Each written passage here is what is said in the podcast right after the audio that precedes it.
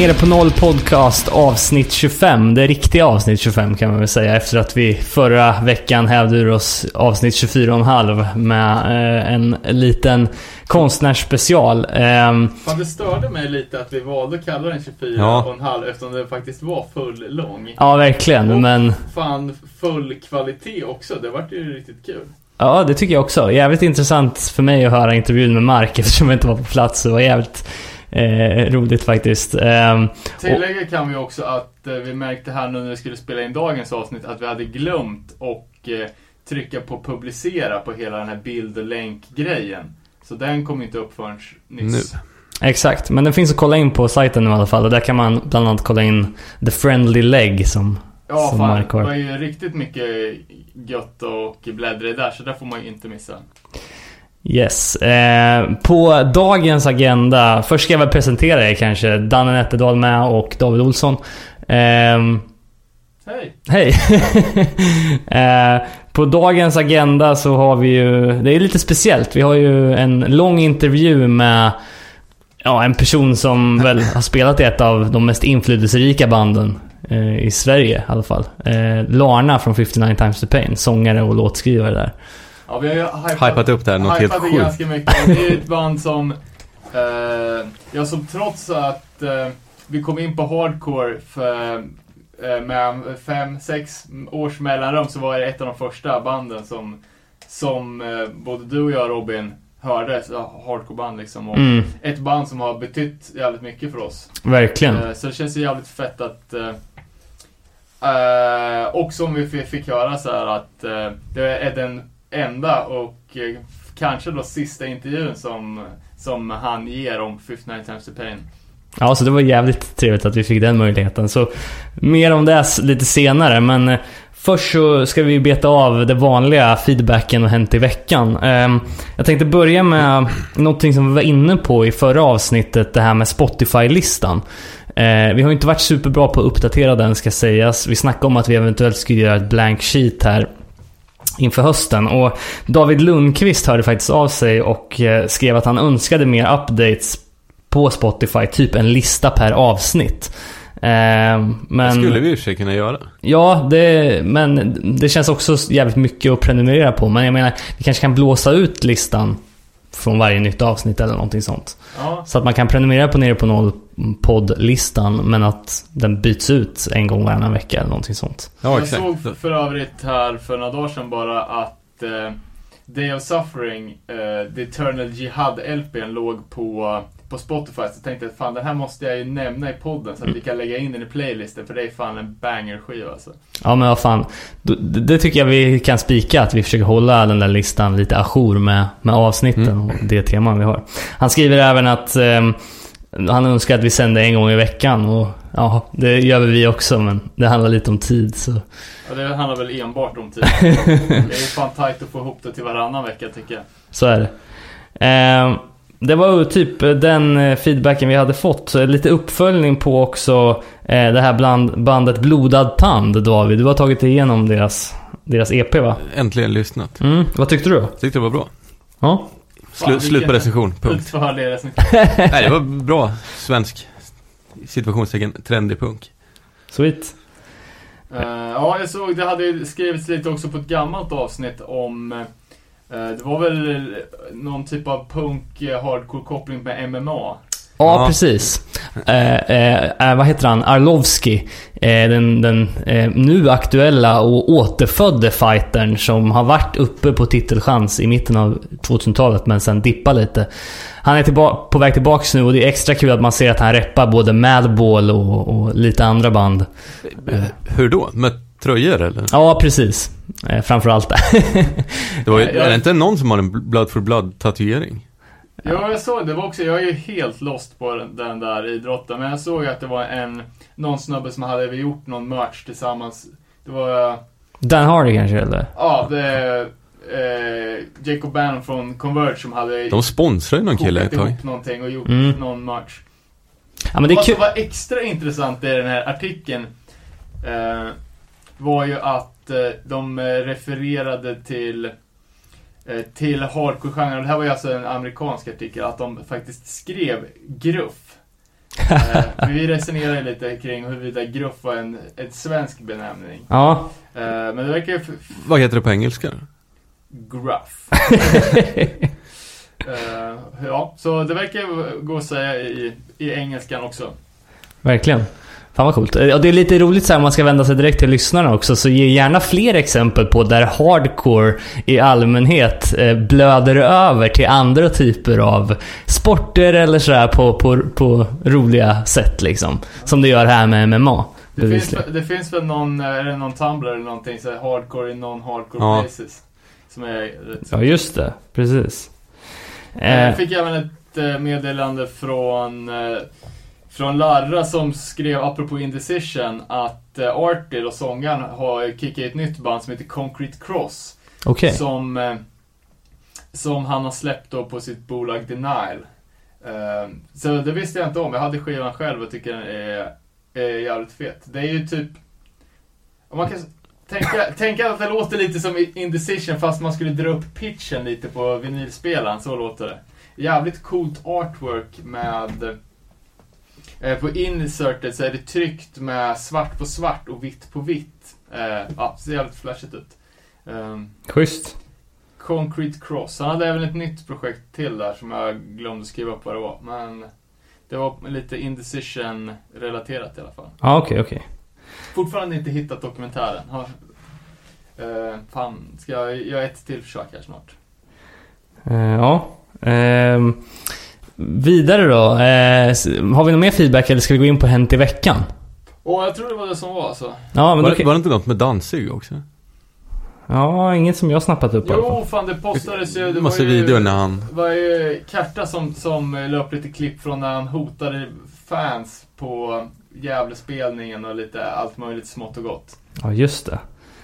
Ehm, och vi har även snackat om att en, en gång göra ett eh, uh, Misfits, Samhain och Danzig avsnitt. Och det hade ju varit sjukt fett. För det är ju extremt jävla bra band. ja, verkligen. Um, ja, jag kan ju eh, börja då med, med Hänt i veckan här. Har hänt sen i tisdags. Ja, exakt. Eh, det, det stora är väl, och jag vet inte, jag har inte haft superkoll på East Coast Tsunami Fest-line-upen, men ha, eh, alltså, och jag har inte hört så mycket från det här bandet på länge heller, så, men eh, Trapped Under Ice verkar vara tillbaka. De har annonserat en, eh, en Kalifornien-sväng i november, och jag tror att de har lagts till på East Coast Tsunami också, sen vi snackade sist. Va, Eh, La de ner eller tog de bara en break? jag De tror- tog en, en break. Ja, någon slags extended hiatus eller vad man brukar säga. Eh, och jag det tror de väl har pågått sedan typ 2013 eller något sånt där. Så det är ett par år liksom. Men eh, kul att se att, att de börjar vara på väg tillbaks. Eh, och eh, det ska bli kul att se om de kommer till Europa någon gång också.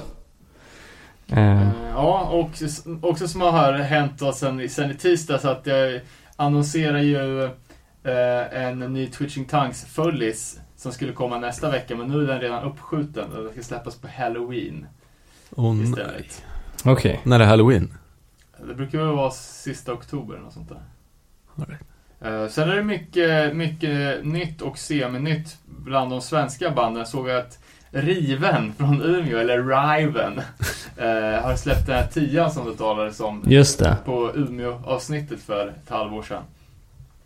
Eh, Så snackar vi om Negative Self, eh, Mm. Suicidal Worship-bandet och även eh, massa nya band. För mig i alla fall, Rotten Mind och Powerface och såg att Fredag den 13 hade nytt också. Eh, Så tänkte vi kanske skulle ta och eh, fördjupa oss lite i det till nästa gång och lyssna igenom och kanske pejla av vad, vad mer de, de svenska banden har kläckt, ut, kläckt ur sig här under sommaren. Absolut, det är fan på god tid att vi gör ett, en indykning i det. Så även att jag tror att Donnybrook var eh, annonserade till Tsunami Fest också. Okej, ja. Eh, också med väldigt stora bokstäver på affischen. Jag tänkte jag, fan det är väl ingen som bryr sig om. Nej, eh, men ändå intressant. Mm. Eh, ja, det är, det är väl lite, lite samma sak här på nästa grej jag har. Eh, om någon bryr sig att Pitboss 2000 håller på med ny musikvideo. Men det var i alla fall någonting som de gick ut med häromdagen. Så att, ingen ny musik. nej, det var... Nej, de gjorde någon eh, spelning här för två dagar sedan. Eh, där de skrev att de skulle filma en musikvideo också. Men jag vet, det stod inte om någonting om någon låt i alla fall. Eh, Jag såg ju för övrigt här en, eh, en länk till ett en länk till ett klipp eh, med John Toole då från Pitboss eh, stand-up föreställning. mhm. Eh, jag har inte kollat upp det än, men det vore ju asfett om man kunde hitta ett, en hel stand-up rutin. Ja, verkligen. Tror han är rolig eller? Ja, det tror jag.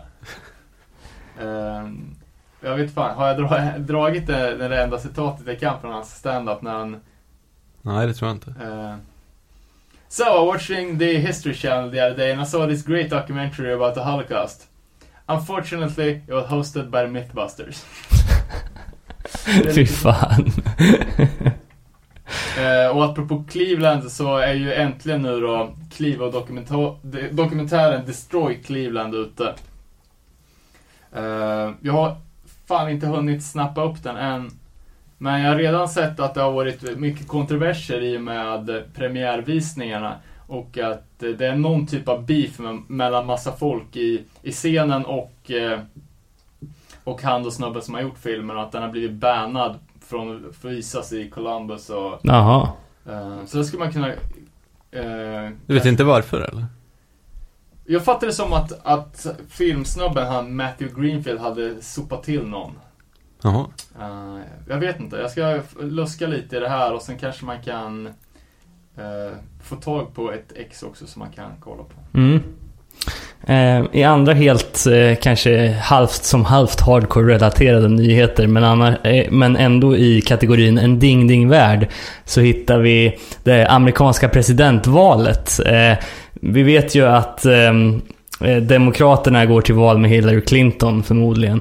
Eh, och Republikanerna har eh, den gamle Bush-sonen Jeb Bush. Men eh, nu har det dykt upp ännu en kandidat som eh, kallar sig för These Nuts. Och det har ju då påverkat, eh, eh, ja, det har blivit viralt på något sätt. Eh, och det, här, det finns ju även ett band som heter These Nuts som har spelat lite varstans. Både på hardcore-gig men mestadels eh, metalcore-gig då. Eh, Men det här är alltså en, en, en kandidat som står helt utanför liksom varken Republikanerna eller Demokraternas eh, en politisk vilde. Ja, exakt. Eh, Men han kom upp på jävligt högt i, i omröstningarna som eller pollarna som har varit. Eh, och till och med, ja, det har ju påverkat bandet då att de har fått en hel del nya followers eh, också. Men det var lite kul tyckte jag. Jag, jag hoppas ju fortfarande på Stigma for Press-kampanjen.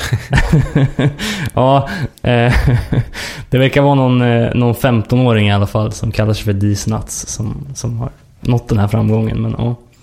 These Nuts kommer för övrigt från ett... Eh, det är en uppsättning med skateboardskruvar från Power Peralta. Okej. Kuriosa. Eh, ja, så även att Forced Order har en ny LP på G, om vi inte har nämnt det. Okej. Som, eh, som lät eh, jävligt vass. Eh. Eh, ja, fuck it. Ska vi, ska vi välkomna in Magnus Lahnhed? Det tycker jag verkligen. Ja, som sagt, efterlängtat besök. Ja, verkligen. Eh, och det är en hel del godis i den här intervjun, så att eh, håll till godo. Och framförallt måste jag säga då, eftersom att vi kickar det här eh, introsegmentet eh, retrospektivt, så vi har ju redan gjort intervjun. Ja, ja, absolut. Att det var så extremt mycket godbitar som, eh, som sades här efter att jag stängt av mickarna. Så kanske kan man hoppas på en uppföljning, eller också får vi sitta och citera i fortsättningen. mycket, mycket guld i alla fall. Woke up pretty late with nowhere to go And there was Mr. Suicide who tried to steal the show Then I hit the street and swept away Working on my mind, get me out of this bed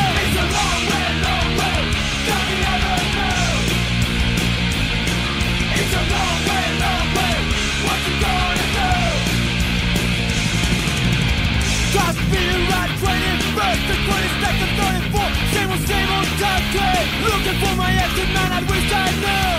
One last chance to find my avenue It's a long way, long way. That we ever knew 2025 Då sitter vi här med eminent gäst i studion, Magnus Larna Lanhed. Och för er som har levt under en sten eller är under 15 år så är Larna sångare och gitarrist i bandet 59 times the pain. Kanske ett, förutom Refused, det största hardcorebandet från Sverige ever. Definitivt, tycker jag. Skulle jag vilja säga. Precis. Bandet som fick mig att tro att jag kunde söka till Punk Rock College när jag skulle börja gymnasiet. I princip. Men jävligt kul att ha dig med alltså. Vi ska grilla dig lite här idag har vi tänkt. Beta av. Ja, det känns bra. Det känns bara tungt med att ni har kört en sån, en sån, en sån hype över det här. Som lyssnare skulle jag varit lite besviken. Man trodde ni skulle sk- skrika ut eh, Stigma eller Walter.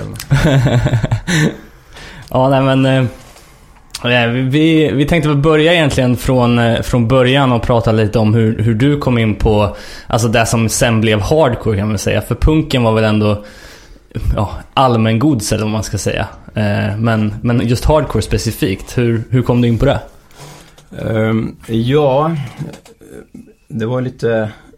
Jag kan säga ärligt, inför att göra den här grejen har jag fasiken varit tvungen att kolla upp lite saker. För jag, jag är helt jäkligt disträ och borta och sådär. Men jag har, jag har grävt och konstaterat här att jag, jag gick ju från hårdrock via, via svensk punk in i, in i Misfits, Metallica. Och sen tror jag faktiskt det är typ Chromax och Agnostic Front var nog det, det första jag kom in på. Men jag hade en polare som hette Rille som var, hade jävligt mycket bra, bra musik. Var fick man tag i skivorna? Eh, de uh, åkte vi till Stockholm då och köpte. Och sen uh, sålde ju Babs då, uh, Burning Heart Babs, sålde ju grejer i sin garderob i sin lägenhet. så vi stod ju där ganska små och så packade han på oss grejer. Eh, men, men för mig tror jag, jag, jag tror inte, jag vet inte om vi sa ens att det var hardcore riktigt då. Och, och vilka år snackar vi nu i runda slängar? Jag är fan osäker på vilket år det här ens är. Det är det som är det helt sjuka. Um, det måste ju vara 88 kanske, inte jag, 87. Nej, jag, jag är så jävla osäker alltså. Men du, du, du är uppväxt i Fagersta.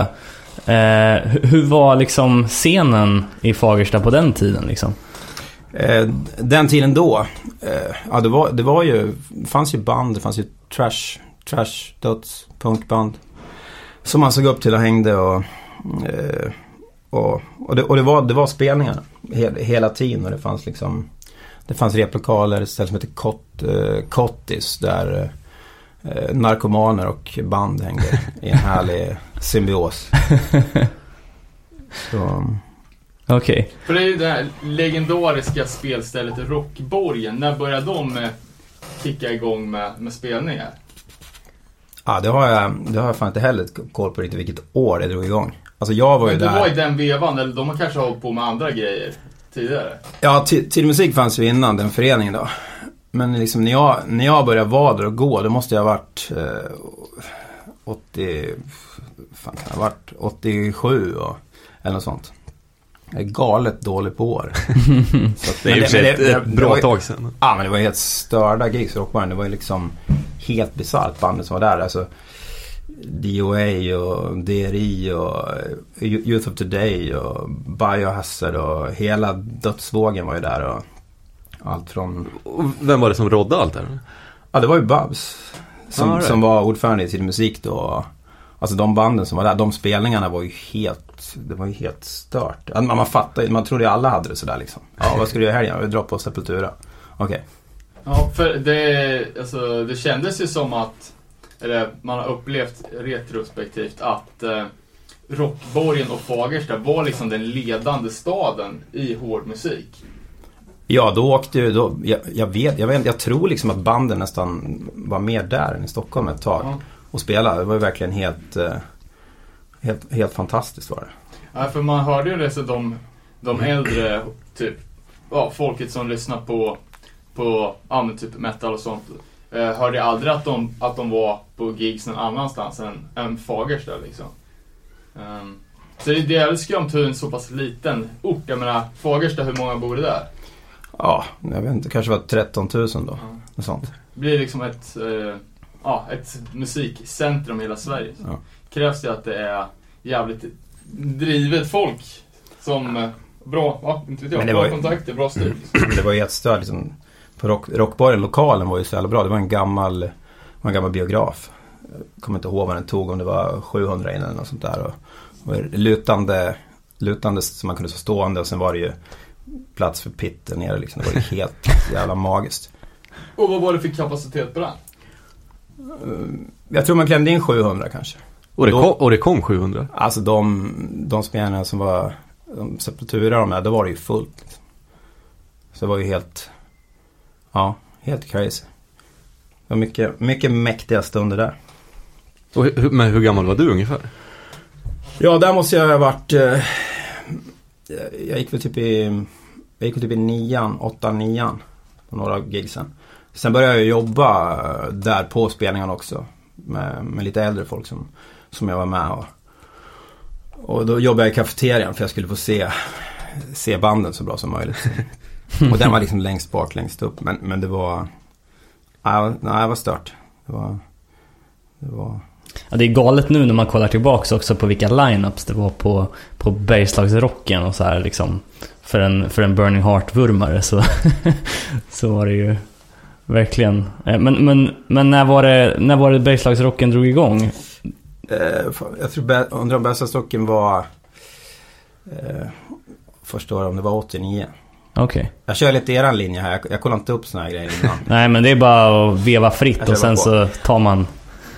Det finns det ingen som kan säga emot heller. nej. Nej, men jag, jag, tror, jag tror det var första var, året var 89.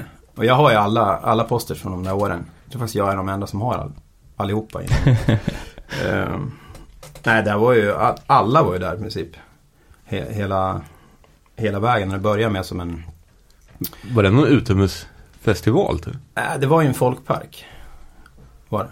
Okej. Så, um, nu försöker jag se affischerna framför ögonen här bara. Men det var ju allt från liksom, först var det ju mera metal. Det var ju mm, Creator var, tror jag var där första året. Och sen var det ju allt från Morbid Angel, Obituary, eh, Chromax, Biohazard, Sick of It All, Civ, Earth Crisis, Snapcase, Madball, Lagwagon, NoFX, Rancid. Ja, Det är typ allas favoritband. Nej men det var ju helt... Ignite var där och... Men om man kollar på, på affischerna så ser man ganska tydligt paradigmskifte. Att från att ha varit en metalfestival med typ crossover-grejer som Chromax eller Biohazard så gick det mer och mer eh, till att bli en, ja men alltså från och med 90, 94 så var det ju i princip en renodlad punk-hardcore-festival. Hur liksom, hur gick det skiftet till liksom? Var det, eh, hade folks liksom, eh, det, det, de banden som eh, som folk ville se, hade liksom blivit en efterfrågan på punken eller var det Babs och tidigare musikfolket som styrde liksom vad som skulle... Nej, det, det var ju Och riktigt sen fick folk digga det som kom. Liksom. Det var ju lite bananasnott där när det var så här. Carcass hoppade av och Popsicle kom istället. Ja, sen, sen var ju Radiohead där ett Ja. år. Det är helt, Va? Ja, Det är helt sjukt. Ja. N- När det var punk. ja, ja. Nej men för det, det såg vi också att 93 så var det ju i princip en pop-lineup. Från att ha varit typ dödsfestival till att vara Radiohead, Popsicle, Born Dies a Ride. ja. Och med typ Fear Factory som liten avslutning. Fear Factory kom jävligt sent och de hade åkt fast i drug bust. I, det blev pants down på allihopa. Eh, nej men eh, jag tror festivalen bokades ut, utifrån eh, faktiskt nästan så smalt vad, vad folk i Fagersta gillar. På något vänster. Oh fan. Lite grann.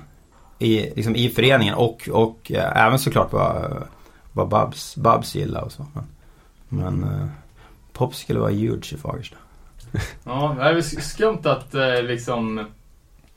Eh, ja men just som att det var ett år när det var liksom inriktat på pop och sen så verkar det som inte den grejen har funkat och sen så bara, nej nu får vi nog testa och köra en punkfestival istället. Ja men nej men sen var det väl att där, uh, sedan vad sa du, 90, 90, 93. Ja men 93 då spelade ju Biohazard också faktiskt. Måste de ha gjort. För då kommer jag ihåg uh, Refused var där och gav Biohazard lite EPs.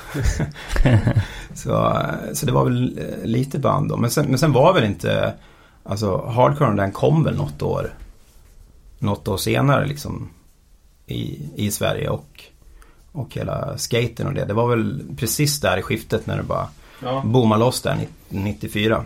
Men kä- kände du att du under den här tiden hade någon anledning att lämna Fagersta och åka någon annanstans på gigs? Eller liksom hur, hur såg scenen ut i Sverige? Alltså, Nej, för, alltså när jag, när jag var yngre, eller vad ska man säga, då åkte vi väl till Stockholm och gick på, på grejer på gamla Fryshuset då.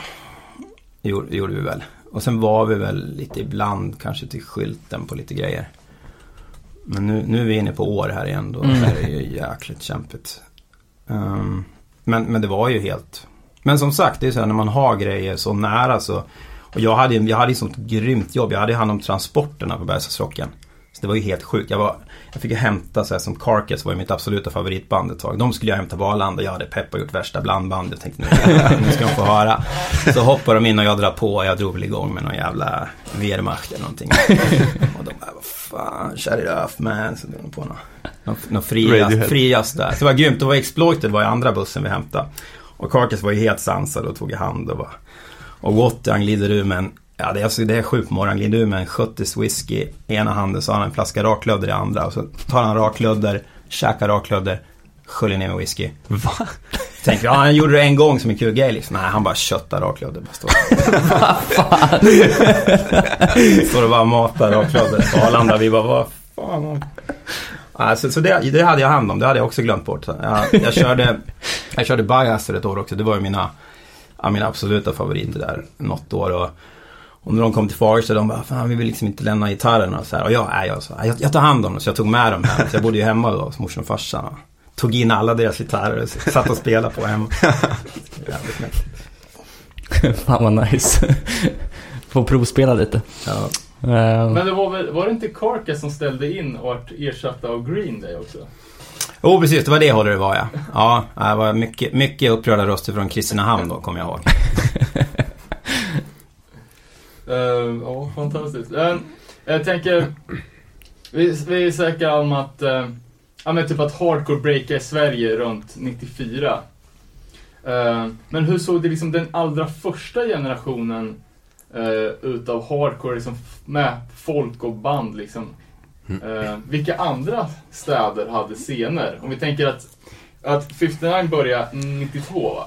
Nu måste vi re- reservera oss för så att alla, alla som är till och med äldre än mig kommer bli arga om jag säger att det här är första, första scenen med hardcore.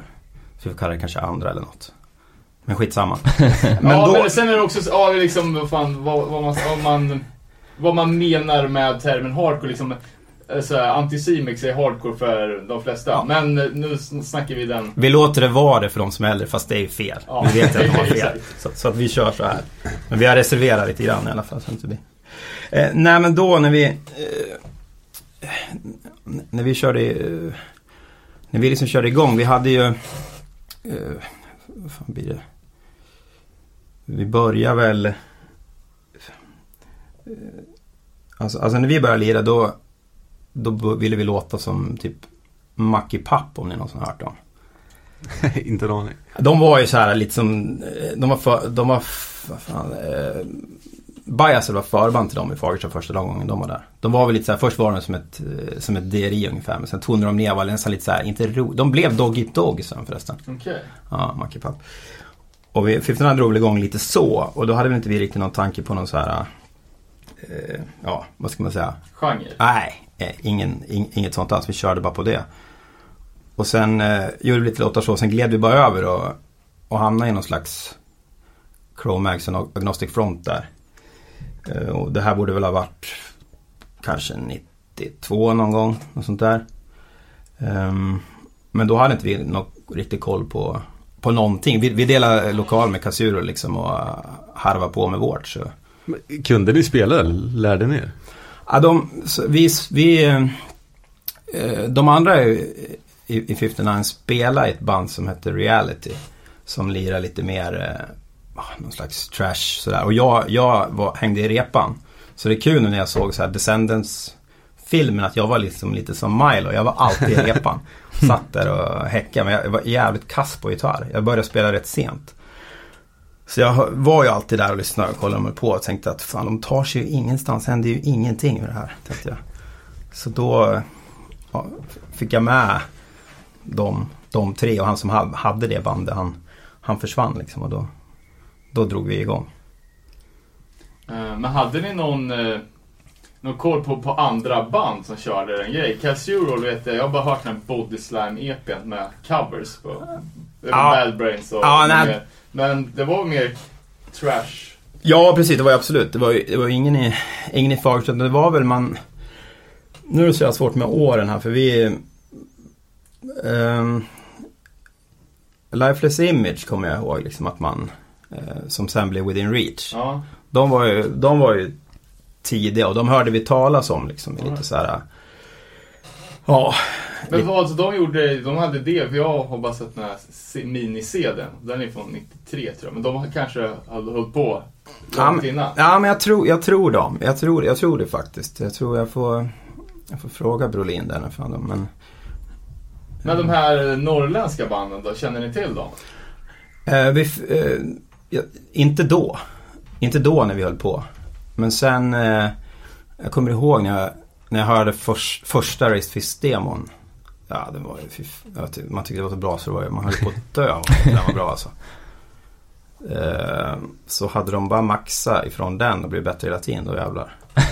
men, eh, men, men, ja, men de kom in där, både Raised Fist och Refused. Men, men jag kommer liksom inte ihåg då, det var inte så här, man såg dem liksom inte på nätet direkt. Eh, Nej, läste man Science eller fick man tips från Babs eller var det liksom? Nej, det var väl lite, det var väl lite science sådär som, som, som man läste igenom. Det var, det, var, det var den vägen. Och så var man, och så var man på gigs och... Men, men det här var så tidigt så här liksom hade inte vi några slags ambitioner ens att göra någonting. Vi liksom... Ja, vi ville bara vara i våran repa och... Och liksom... Och, och ja, få, få ett gig liksom. Mm. Och fixa en sångare var ju det. Var, var ju det, det, det vi skulle göra. Hade ni tryouts då på folk som ni eventuellt kunde tänka er ha med? Eller kände du att det var liksom... Nej, jag, jag, jag ville ju inte sjunga helt enkelt. Det var ju det, var ju det viktigaste. Ehm, och så jag, jag ville bara spela gitarr. Men sen vart det bara att vi, att vi, att vi liksom fortsatte och körde på. Sen var- vart, vart jag kvar. Okej.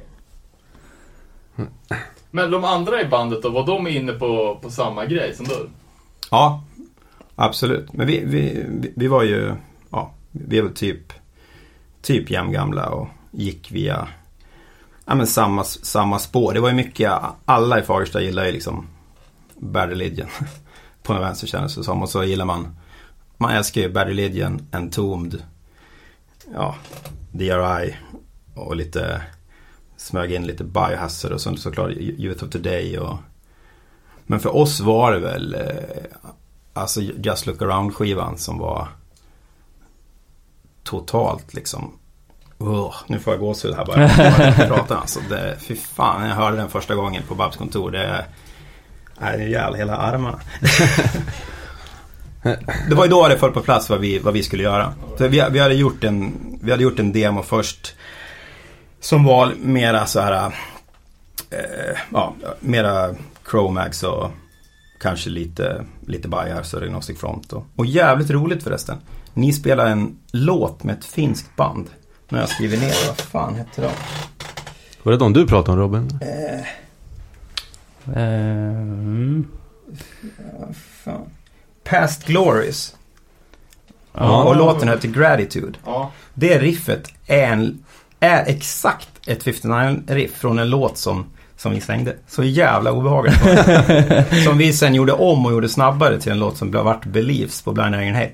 Så jag undrar vad, om jag hittade från något annat band någonstans. Men det var så jävla obehagligt att spela. Jag bara, vad fan är det här? Jag känner igen det. Jävlar. Det är min låt. Men de kan, de kan inte ha hört det.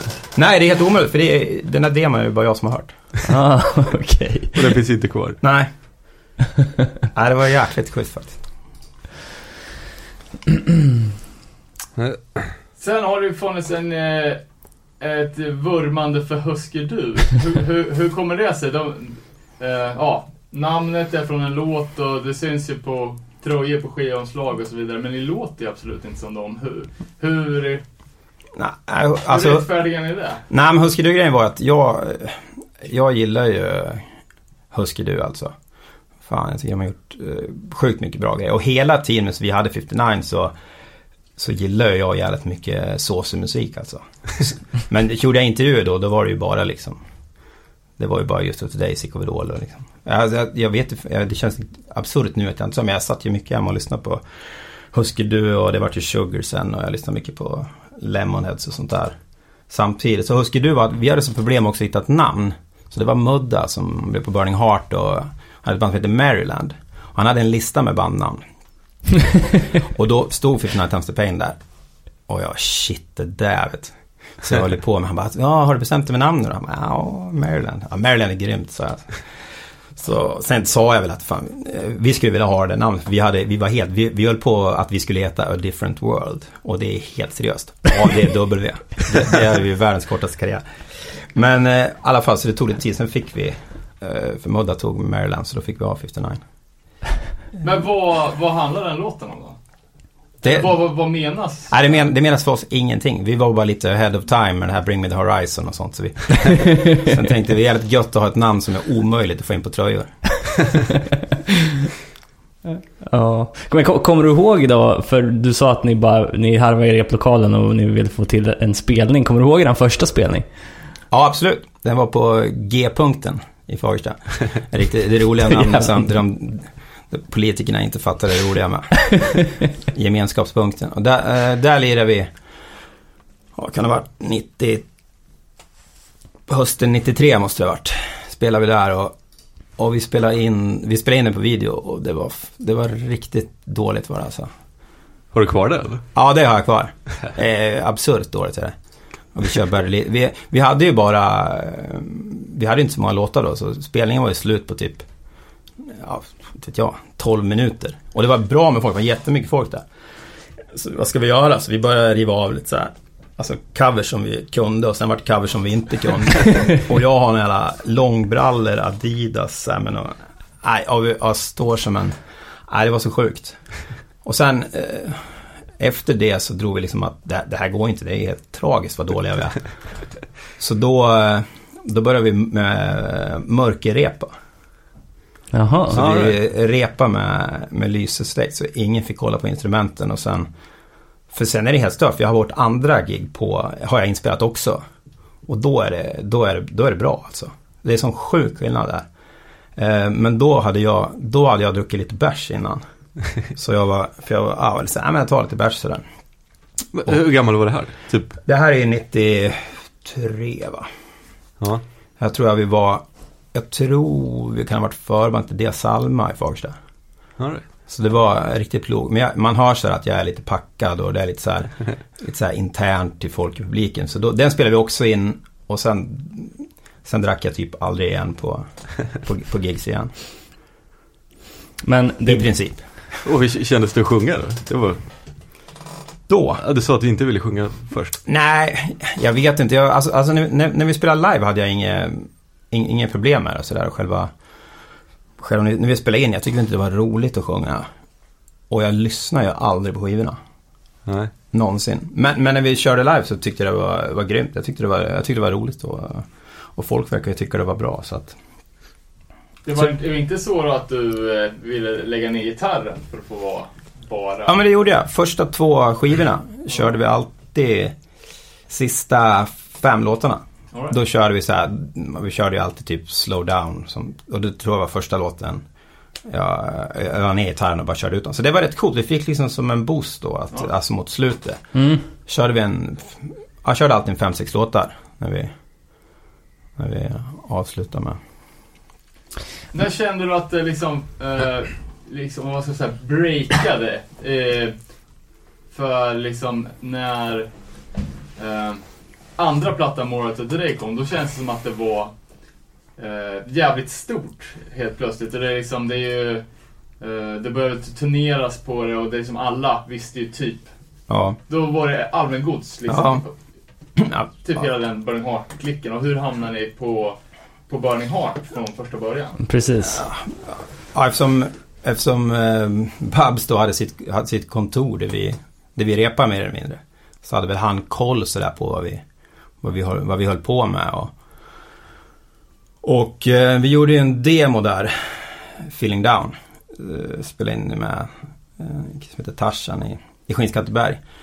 Och eh, ja, han sa gör, gör en demo och, och blir det så bra som jag tycker att det, som att det låter live, då, då kommer jag släppa skiva.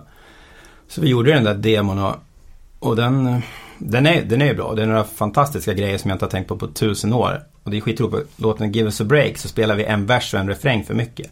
Men det kom vi inte på förrän vi skulle lägga sången. Så där är det gitarrsolo med wow i. För det gick ju inte att klippa i skiten eller någonting.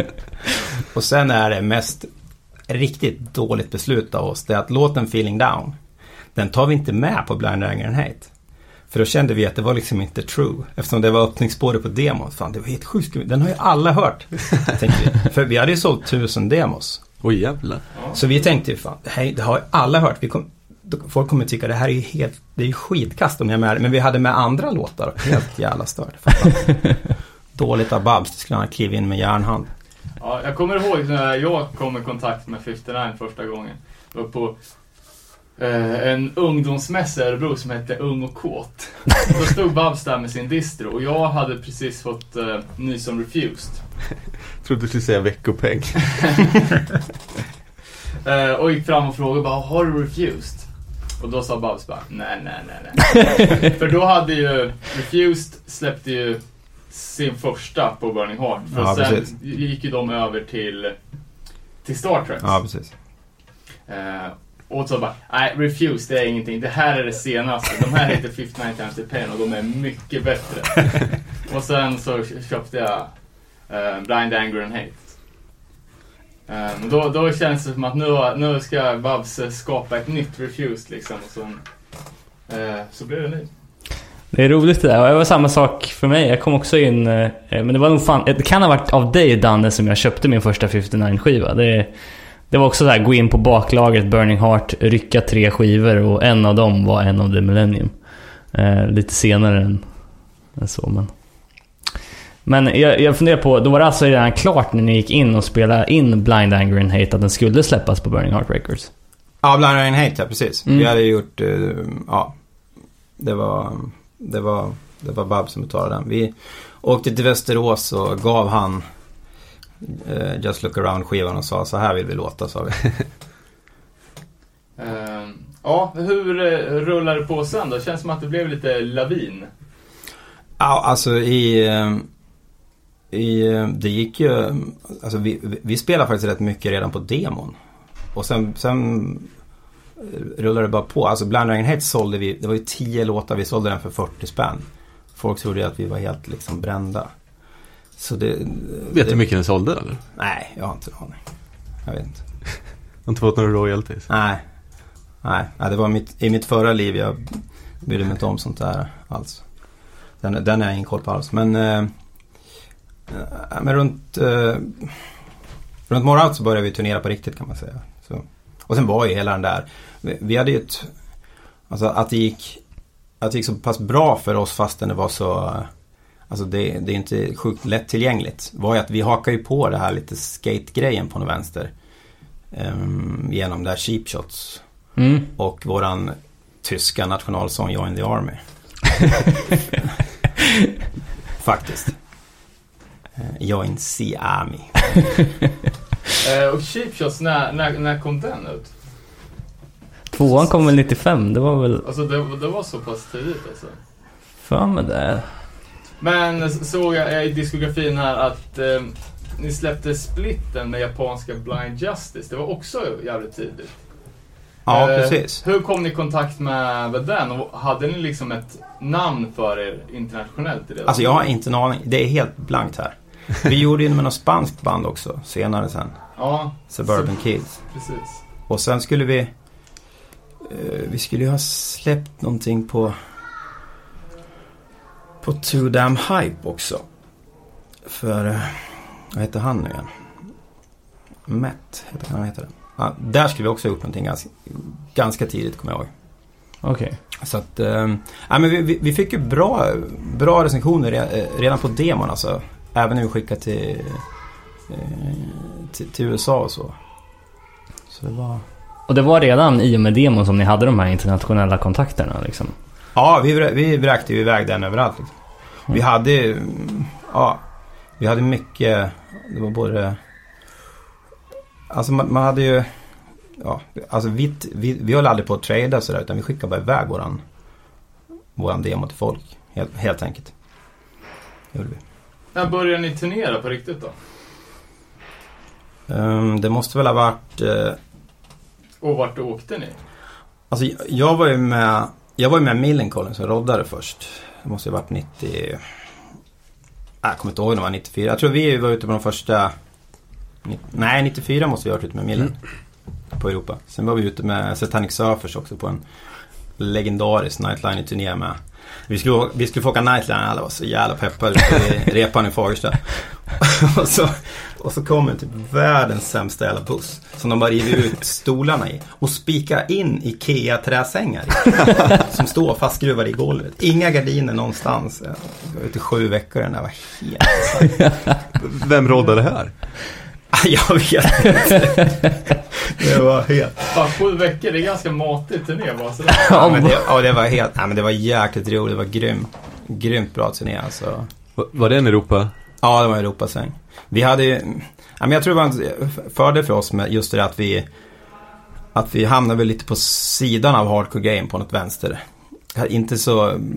Li, lite i Sverige gjorde vi det på något slags med flit kan man väl säga. Ehm, det var ju bra, det var därför det gick bättre för oss också. Sen, sen lät vi på ett annat sätt, jag menar. Ehm, det var ju mycket redan på More of Today så typ Pennywise var ju nästan mitt favoritband där och det kan man ju höra om man lyssnar noga. Mm. Eh, jag hörde någon, eh, någon anekdot om hur Fletcher Pennywise hade sopat rent ett merchbord med eran trummis. Kommer du ihåg det? Så stämmer det där verkligen? jag var ju med på en Millen-turné när han, eh, när han sopade rent merchbord och kastade ut grejer. Och, Ja. men det var väl, fan var det, var det Tonka? Jag trodde det var Ekan i Millen som råkade ut för det där. Ja. Det var Ekan som sa det. Han sa att, eh, att Fletcher hade sopat rent ett Millen merchbord med Tonka. Jaha, eh, fan. Ja, Jag, jag tror det var inne i logen alltså. Jag var ute då, han slog sönder alla sina gitarrer och, och var helt galen och körde färdigt gig utan honom. Och Jim fick hela publiken att stå och skrika 'fuck Fletcher' där. Han var ju, han var ju galen. Du sa att han hade vält en mack i Tyskland. Ja, det är också en gammal Fletcher-skröna att han hade, ja, på, på något pitstop på Autobahn så hade han vält en en, en mack som bestod av så här korrigerad plåt liksom. Då hade han bara tagit hela rucket och vält. Ja, Mm. ja jag har några. Nej, skit i de historierna förresten. Ehm, ja, men om man fortsätter den Millencolin-kopplingen då. Uh, Millen hade ju nästan som gimmick där med bowling och Fifth Nine har ju alltid varit väldigt förknippade med hockey. Var det här någonting som ni, som ni, eh, som ni associerades med för att det var liksom alla band måste ha en sport eller har ni ett genuint hockeyintresse? Nej, vi spelar ju, alltså jag och Tonka trummisen spelar ju verkligen hockey. Jag spelar ju, när vi spelar in More of Today håller jag på att spela kvalhockey med, med Hedemora faktiskt. Och pendla från studion och klafsa runt i Uncurbeds gamla folköl där som de hade spilt i stället vi bodde. Och det var ju så här, äh, när vi lirade med Lagwagon i, i Köping så hade jag fått en puck i ansiktet kvällen innan. så jag hade hjärnskakning och stygn i, stygn i ansiktet. Så. Det var kul när, när vi var ute med H2O så eh, Jag vet inte om det var Toby eller Rusty som började snacka om det var liksom om det var så här Om det var någon rough där vi bodde sådär och de började kavla upp det. Man blivit skjutna och Alltså, nej, ganska lugn, så här blev alltså, puck så här i ansiktet och lite puck här genom läpp. Och det tyckte de ju var hur fett som helst att jag spelade hockey.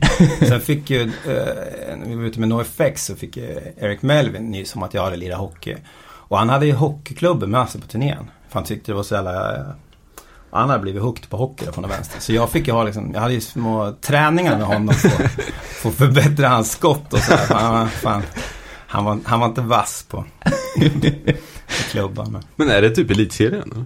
Då nej. Nej. Nej, nej, då var det eh, kval upp till, då var det tvåan jag spelade. Eh, Det har jag hört några stories om att du har spelat hockey med The Hives. Eh, nej, jag har ju spelat bas på NHL All-Star Game. Så var jag Dr. Matt Destruction. Så jag sparade ut håret och, och lite mustasch. De, spel, de spelade två låt, tre låtar på isen. Där. Eh, under en sån här All-Star Game i, Okej. Atla, i Atlanta. Så det var ju helt sjukt. Och där var jag med om en fantastiskt rolig grej. Som jag ska betala tillbaka någon gång. En eh, frutte som är roddare åt, och Thais, vi skulle åka och göra den här grejen och sa, ja fan jag kan göra det men vi måste repa liksom. De bara, ja ja ja vi ska, vi ska repa, det är klart vi ska repa sa de.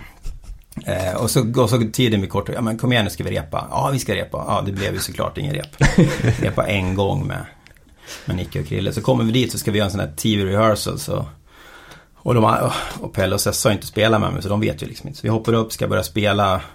Eh, vi kör Won't Belong, det är så ganska rak bas. Vi kör Kör igång, kör, så går vi in på refrängen. Jag ska köra som en liten du, du, du, du, och det bara låter skit. Och jag kan den där räkan, jag vet hur basräkan går. Ah, går tillbaka till vers. Jag bara, fan det är ju livesändning, liksom 30 000 i arenan och 8 miljoner tittare om, om en timme. Kommer tillbaka till refrängen igen, kör igen, låter skit. Fattar ingenting. Låten är slut, alla bara vänder sig mot mig och jag liksom, fan jag vet hur den går. Kollar över, då ser jag Frutte bara ligger på backen och skrattar. Då har han stämt ur min, min D-sträng så jävla totalt. Inte lite utan bara helt, helt totalt. Men nej, han tyckte jag var rätt person att göra det på. Så. Jag har sagt han, han ska få igen någon gång. Det kanske tar 20 år men Ja, fy fan. Kommer där det borde man ju youtube upp. Det kanske finns. hur kommer det sig att du vart, var stand-in basist då? Var det för att du ville vara med på All-Star-grejen eller ha, ja, hade de ingen basist bara? Nej, Matte skulle ha barn. Jag var med, jag var med eh, Hives i USA några veckor när... Ehm, varför var jag med? Jag var nog bara med. Jag har varit med Millen och sån här sväng bara. Det är bara för att jag är så jävla trevlig så folk vill ha med mig. Så då fick de den där förfrågan och då ja, kollade de om jag, om jag ville vara med. Så hoppade jag in på bas. Eh, Okej. och, och du, de, ja, du eh, utgav dig för att vara Ja, Matt. Och det var så grymt för det... Ingen noterade det. Nej, nej och Hives ljudkille stod ganska långt upp så här och så kom jag ut eh, på scen, vi skulle göra den här TV rehearsal grejen. Och så sa han, eh, så sa han, fast på engelska sa han, ja det var, det var helt sjukt när du kom ut sa han, för jag tänkte Fan vad graviditeten har varit hård på mattan, har blivit så jävla smal. och så skojade han och sa, men sen spelar du fel och då fattade jag att det var matte. Nej då. Men eh, en, en fråga om, eh, vi, vi snackade om More Art of Today-skivan. Eh, spår 6 och spår 16 på den är ju, eh, i alla fall på Wikipedia så står det ju att det är en viss Kola som har varit med som textförfattare och även Matt Walter. Och jag antar att de, det är Nikola från Millencolin och eh, att, att de var involverade under den här inspelningen eller på något vis. Nej, det är det inte alls. Det var... Eh, det, det jag, tror, jag tror, jag kommer inte ihåg vad det står på, på skivan, men det är någon så här inspiration tror jag. Okej. Eh, So Blind är väl någon, någon så här politisk eh, sennatt jag och Nikola hade, hade i Gotland. Jag är liksom ganska, jag har mer ett politiker eh, genuint förakt och hat mera. Ganska os, ostyrt och hatar alla sådär. Så Nikola skulle väl förstå, skulle få mig att få bättre tankar att jag, vart jag hörde hemma politiskt. Så det, den handlar om det och Matt Walter, jag bodde ett år i USA och spelade hockey. Och då, då tyckte han att jag var så jävla uppe i varv hela tiden och bara stressade runt och skulle göra saker. Då sa han ofta så här, It's time to chill Magnus. så tog han fram så här. Bjöd han på macaroni and cheese och Coca-Cola typ. Så det, de har inte, men, men Nikola är väl med och eh, han körar väl på den skivan va? Ja, är han är precis. väl med på 20% också och på sista... Ja, tror jag. Okej. Han är nog med där. Eh, ja, eh, på eh, More Out of Today inspelad i, med Dan Svana va? Ja, precis. Hur, hur fick ni den kontakten då?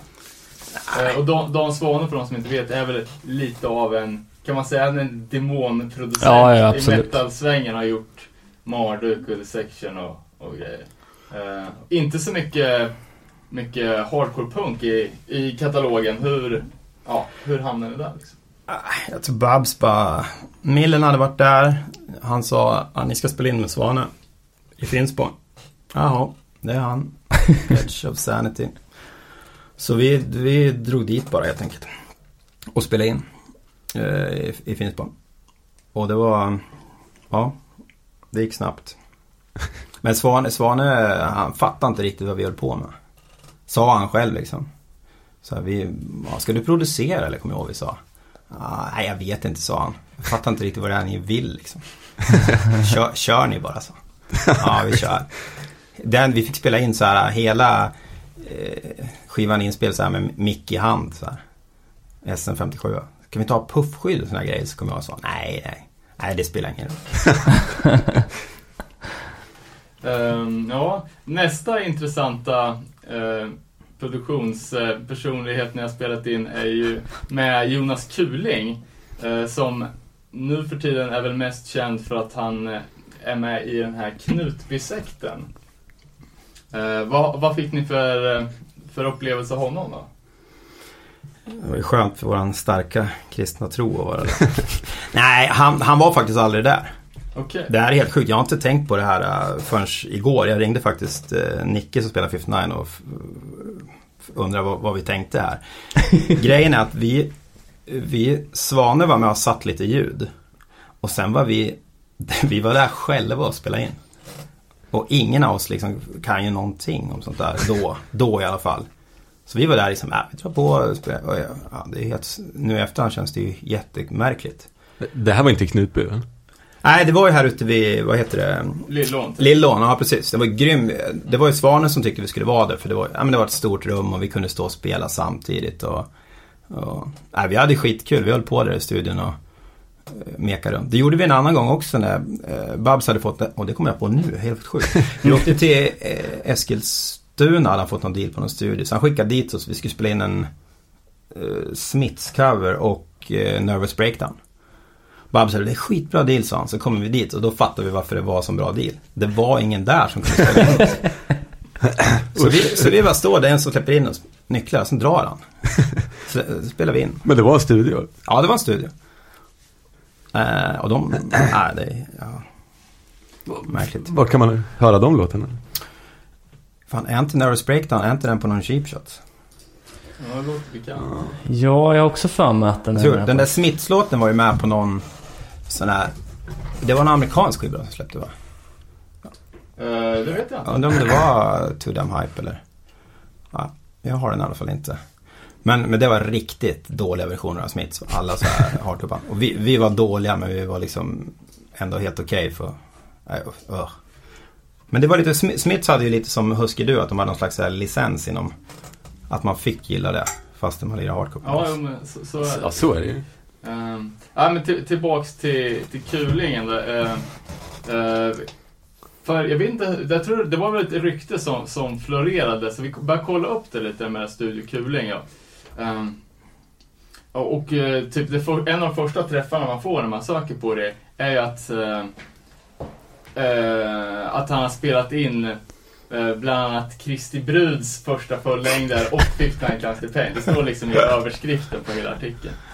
Eh, och jag kommer ihåg det där för det var ju en intervju med honom när han Först när han hade lämnat Örebro för att flytta till Knutby så sa han det att det var det är så, det är så fantastiskt äh, Ja men fantastisk Vad fan heter det? Det? är Deras församling liksom och det är, så, det är så mysigt, det är så trevligt och så. Och sen var det inte långt efteråt då som den här Knutby liksom med morden och grejer att det kom upp och då hade de ju hört av sig till honom igen och skulle ställa på honom lite. Eh, men han sa ju liksom att ja, det är, det är tråkigt att sånt här händer men att flytta till Knutby det är det bästa vi har gjort. Voice spelade in där också. Eh, Och eh, Opeth har ju varit där och spelat in också. Jaha. Ja. Nej, det var grymt bra, bra studio. Vi råkade ha ihjäl hans fiskar dock. sen, sen hade ju Cindy Peters var där och det tyckte vi var lite mäktigt att hon hade plöjt omkring där. Så vi hade vissa teorier om vad, vi, vad hon hade gjort i studion. Men när ni var där själva och spelade in, det var alltså End of the Millennium eller? Ja, precis. Fy fan. Ja, Okej. Eh, Och eh, Turn at 25th, det var en fyrlåtars. Ska- Jag är också inspelad där såg jag. Ja, ja. Ja, Ja, jo men det är det. Där är faktiskt... eh, Vi, vi hade lite extra dag så vi skulle ha så extra tid i studion på, eh, på lägga... Nu kommer jag på grejer igen. För att köra in lite extra låtar och då drog våran kära trummis till med en riktig Fagersta-fylla och drog av foten. Så vi hann inte spela färdigt så Kjelle från No Fun kom in och spelade trummor på bland annat den extra låten där. Som jag inte kommer ihåg vad den heter. Eh, Det är även krediterat en person som heter Georgo. Som har... eh, som har någon typ av eh, producent-credit. Vad är det för någon? Det är ju ingen alls. Det är ju Jorgo, han är väl med på... Han har bara jobbat med 59 så jag. Ja, ja det... Jag, jag, vi hade så här tråkigt ett tag så vi böt namn. så jag hette Jörgen, man fick välja sitt fulaste namn. Så jag hette Jörgen och sen vart jag George och sen vart jag George och sen var jag Georgo. Så, ja, han, han är där. Jens Larsson tror jag alltid är med på våra skivor också. Och det är också en hitta på. Ja, det är ingen alls. Det är ingen alls. Eh, jag, var lite, jag, jag vet inte om det här stod med någonstans, men visst är det så att ni har släppt en split med ett japanskt band också va? Ja, det har vi redan sagt. Det var ju Ja. Blind Justice. Ja, okej. Ja, då, precis. då har vi redan snackat om Det kanske. Även släppt en split med Raised Fist. Va? Har vi? CD. Nej. Jo. Jaha. På Burning Heart, eller vadå? Ja, typ någon licensgrejs. Fan mäktigt. Ja, du ser. Uh, sen såg jag även att 20% of my hand är släppt på Revelation. Yes. Hur kändes det I då? USA. Ja. Ja, det var ju helt sjukt. Det är fan stort ju. Ja, det var helt bisarrt faktiskt. Vi eh, fick ju så här, vad heter han nu? En Jordan heter han va? Då som var där. Han skickade, han skickade, han skickade brev till oss där han beskrev hur jävla bra han tyckte det var. Liksom, hur det var som back in the days. Han refererade till allt från Grilla Biscuits till allting. Så det var ju helt, ja det var helt stört faktiskt. Var det. Sen, ehm, ja, sen var det väl så många, alla, många andra skivbolag inte helt magiska i alla ändar, men det kan vi väl skita i att prata om. Men jag tycker man märker det nu, alltså när band som ja, Refused, Satanic Surfers och vissa andra återförenas. Alltså vilket jävla stort genomslag de här svenska punkbanden har haft som kom 95 på Burning Heart liksom. Det känns som att hade de, när ni spelade på Gråsrock och gjorde er reunion, märktes det av då på samma sätt eller liksom, för ni spelar ju ändå med, med de jävligt stora band där liksom. Eh, jag tycker man märker det nu också när Satanic Surfers har återförenats att man märker att de banden som låg på Burning Heart ändå hade väldigt stort genomslag liksom. Jag, jag skulle nästan kunna, alltså, jag upplevde det i alla fall som att någon gång där på slutet av 90-talet liksom att eh, Burning Heart-banden var ju större än Revelation-bandet. Kan det stämma? Ja, det tror jag. Det tror jag definitivt. Men är det någonting som du har, eller har ni märkt av det liksom? Att det hör av sig folk från hela världen eller? Nej, det, alltså när vi, när vi la ner så var det väl så här förfrågningar och grejer, men, men ja, sa väl liksom bara tvär, tvär nej till allt. Så vi hade ju liksom ingen MySpace, vi hade ingen hemsida, vi hade inget vi hade ingen kontakt. Det var väl någon desperat själ som ringde hem till mina föräldrar.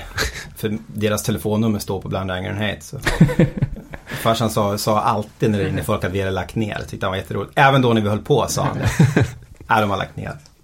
Så att, nej men vi, visst, eh, vi fick ju förfrågningar och sådär och, och köra, köra grejer. Men om man ser det som eh, Satanic och, och även Millencolin nu, inte bara för att, jag, för att jag jobbar med dem nu. Det är ju, det är ju gigantiska band liksom. Det är ju så, och så stora som de var och, och vissa av dem är. Det, det, tror jag inte, det tror jag inte man fattar riktigt här, här hemma. Eller i alla fall inte gjorde då. För men det var ju några år där när, när liksom Millen och ja, vi, vi spelade med vi spelade med Millencolin i Borlänge med 59 om det var 94.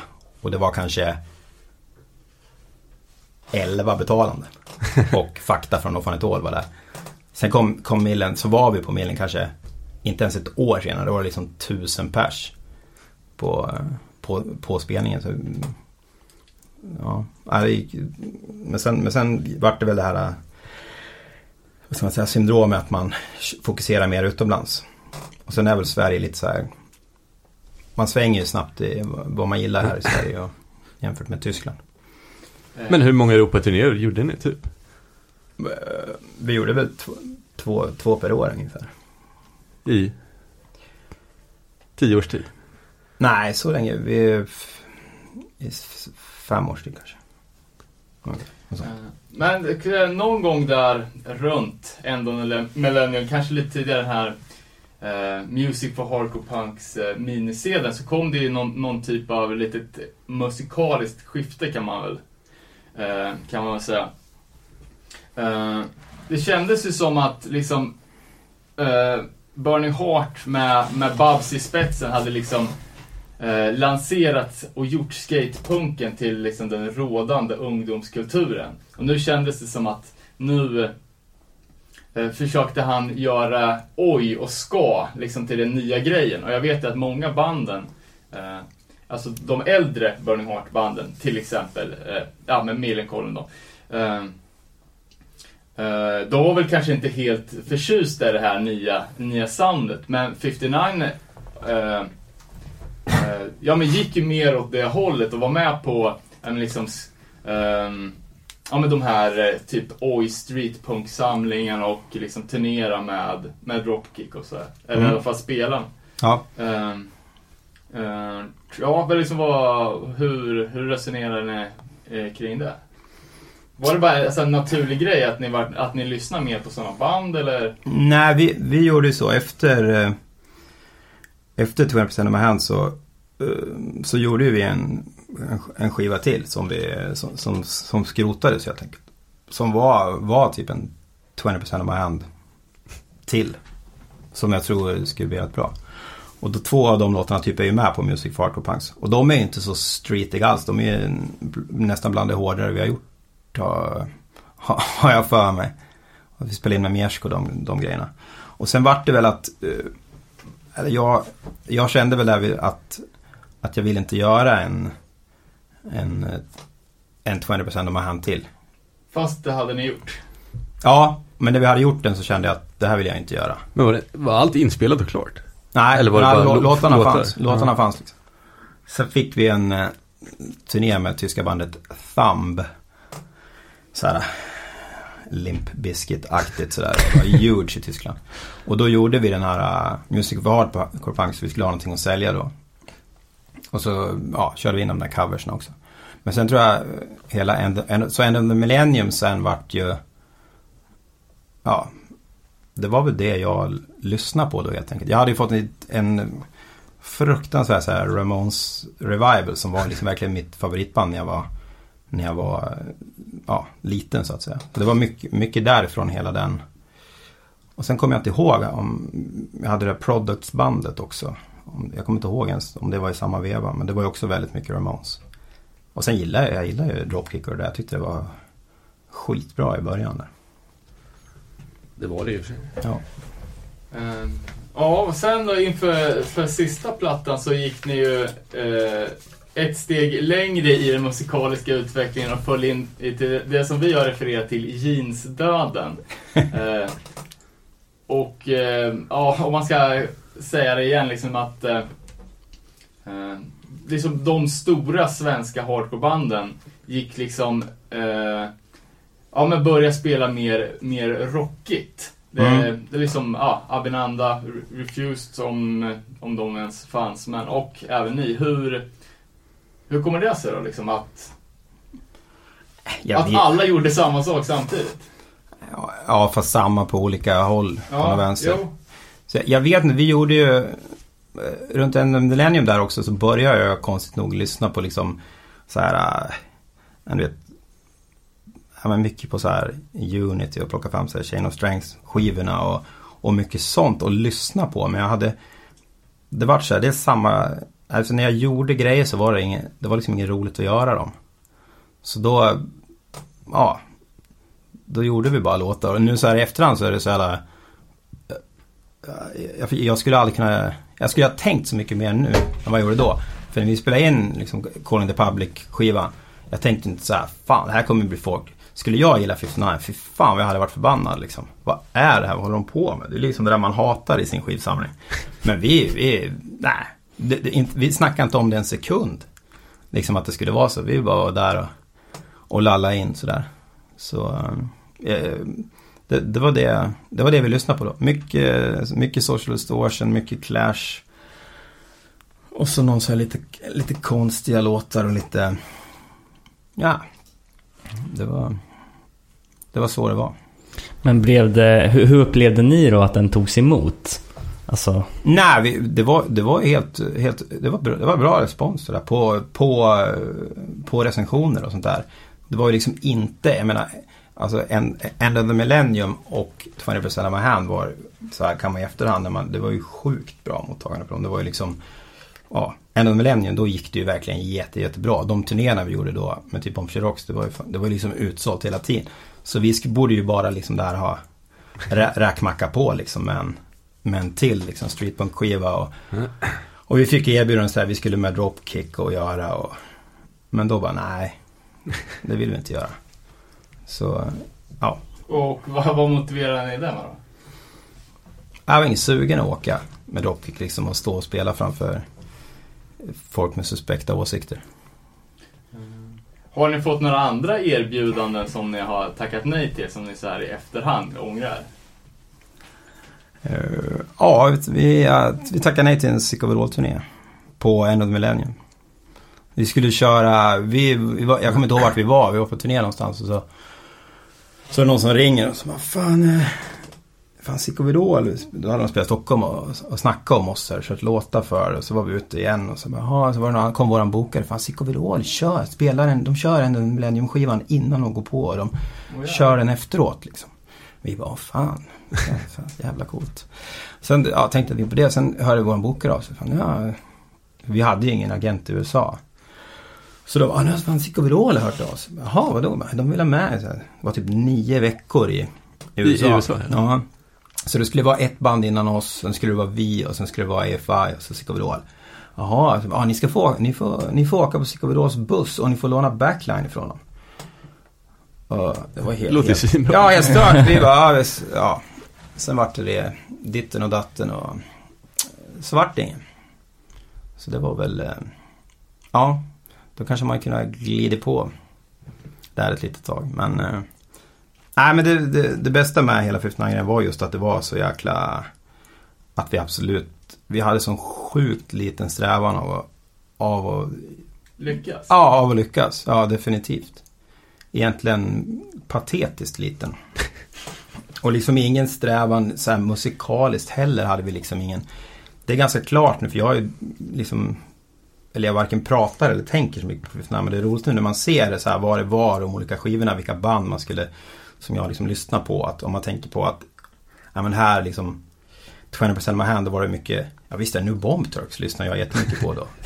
Och Rancid jättemycket och så gick det vidare så sådär Och sjukt mycket Madball där ett tag.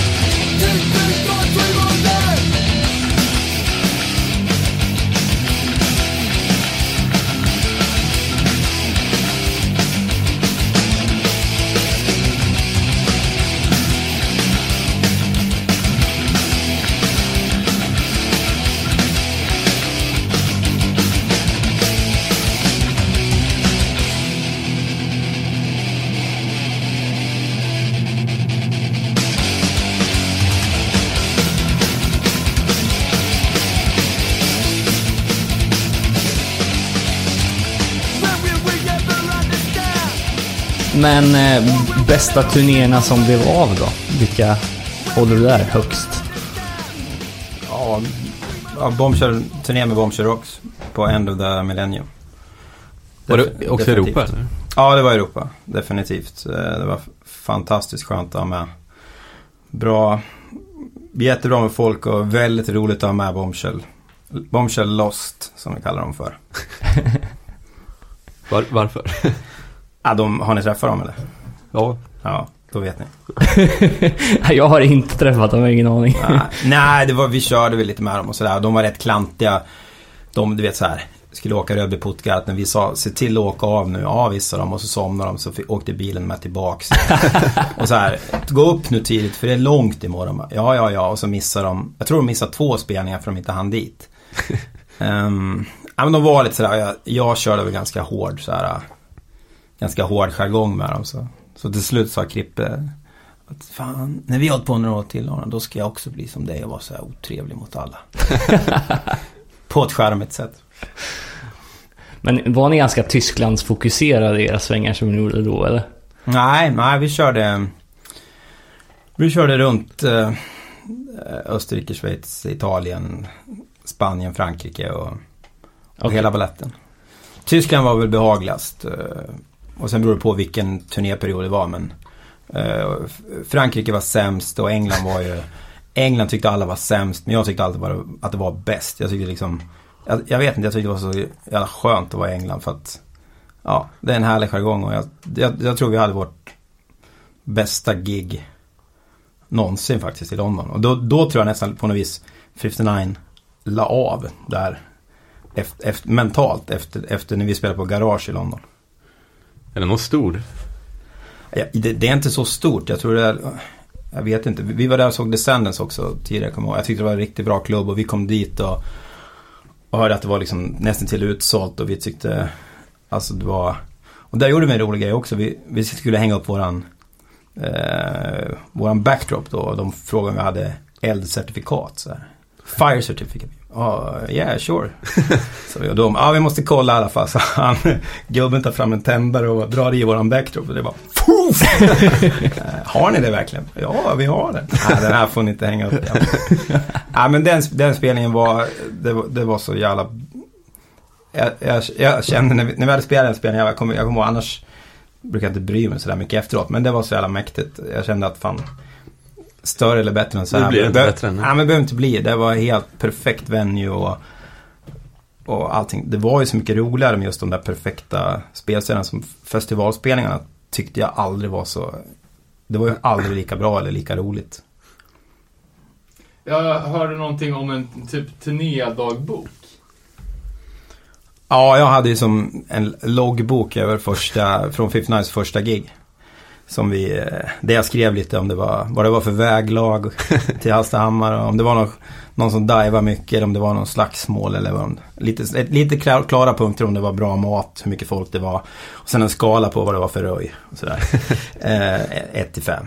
Eh, och den där, eh, så jag tror jag hade upp till eh, gig 100 men sen, eh, ja.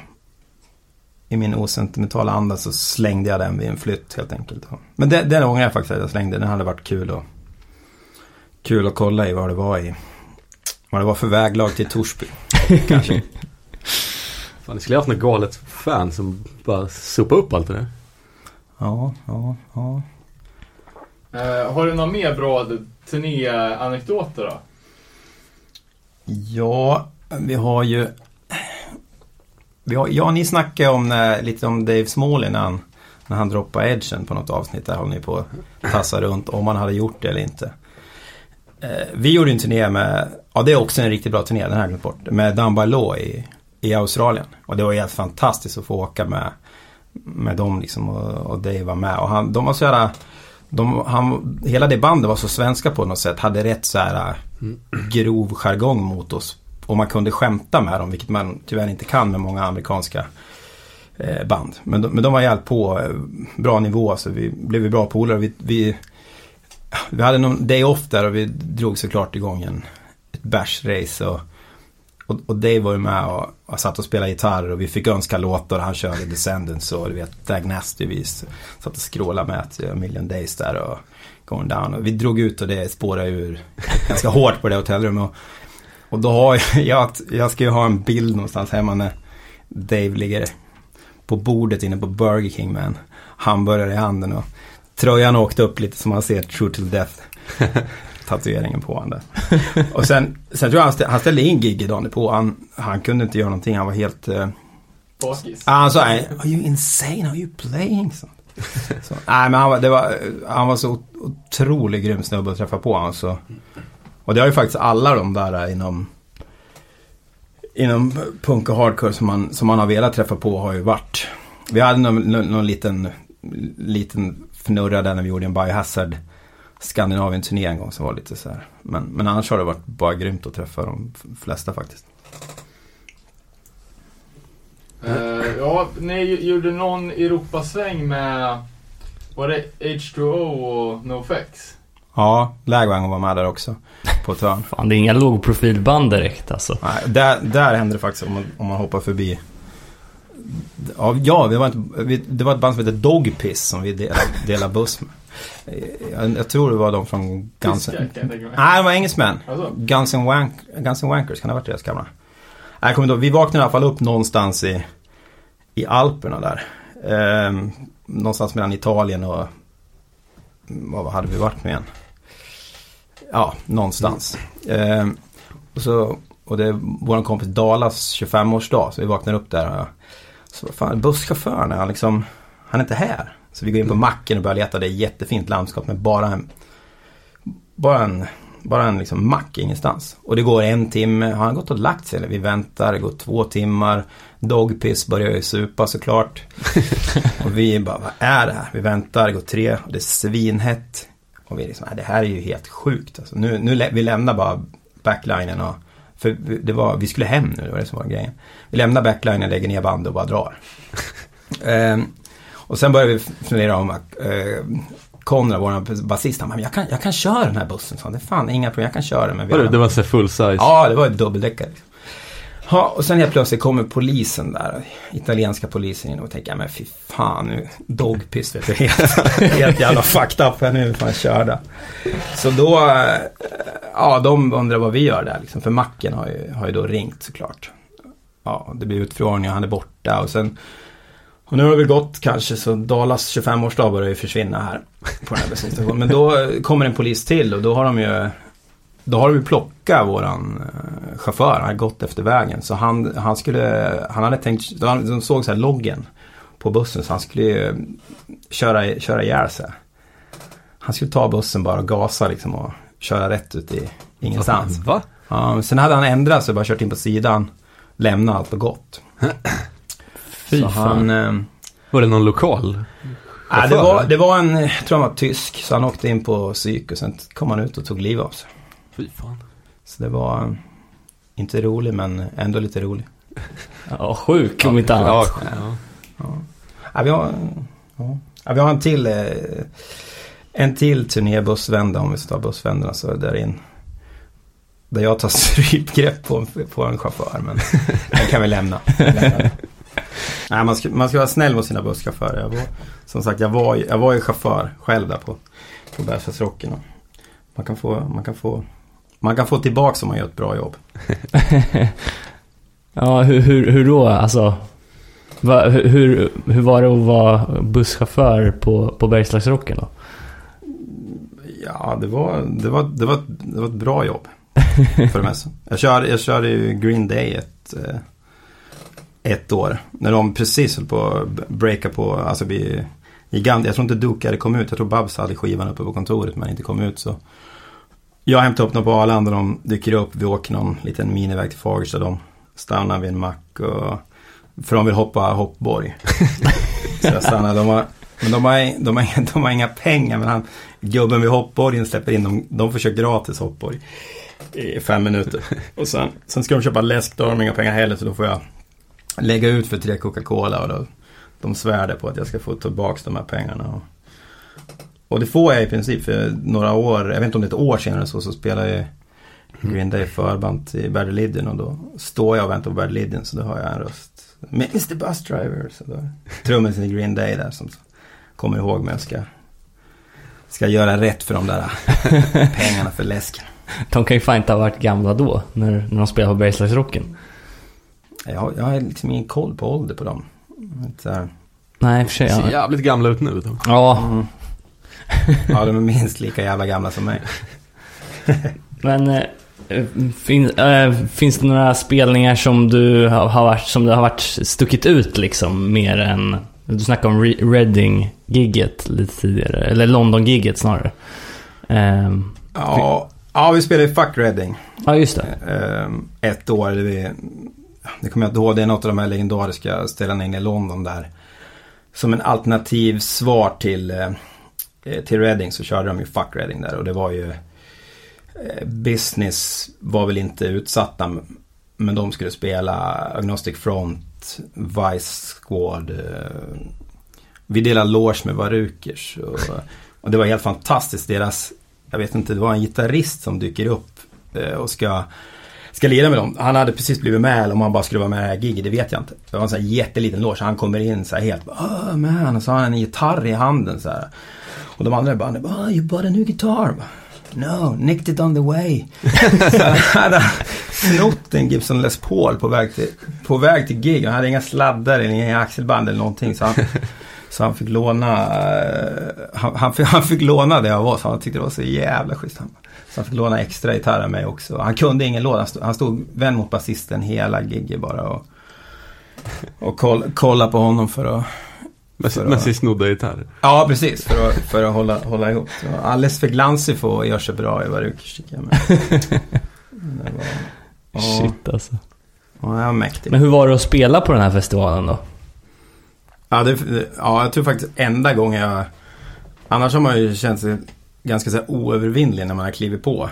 När det liksom drar igång, nu kör vi. Men här, var, här klev vi ut och det var sån jävla engelsk eh, gu- aggressiv gubbpunkstämning. Alltså det var ju så här 4000 engelska gubbpunkare som bara står och, står och bara hatar en, kände jag, när vi klev på.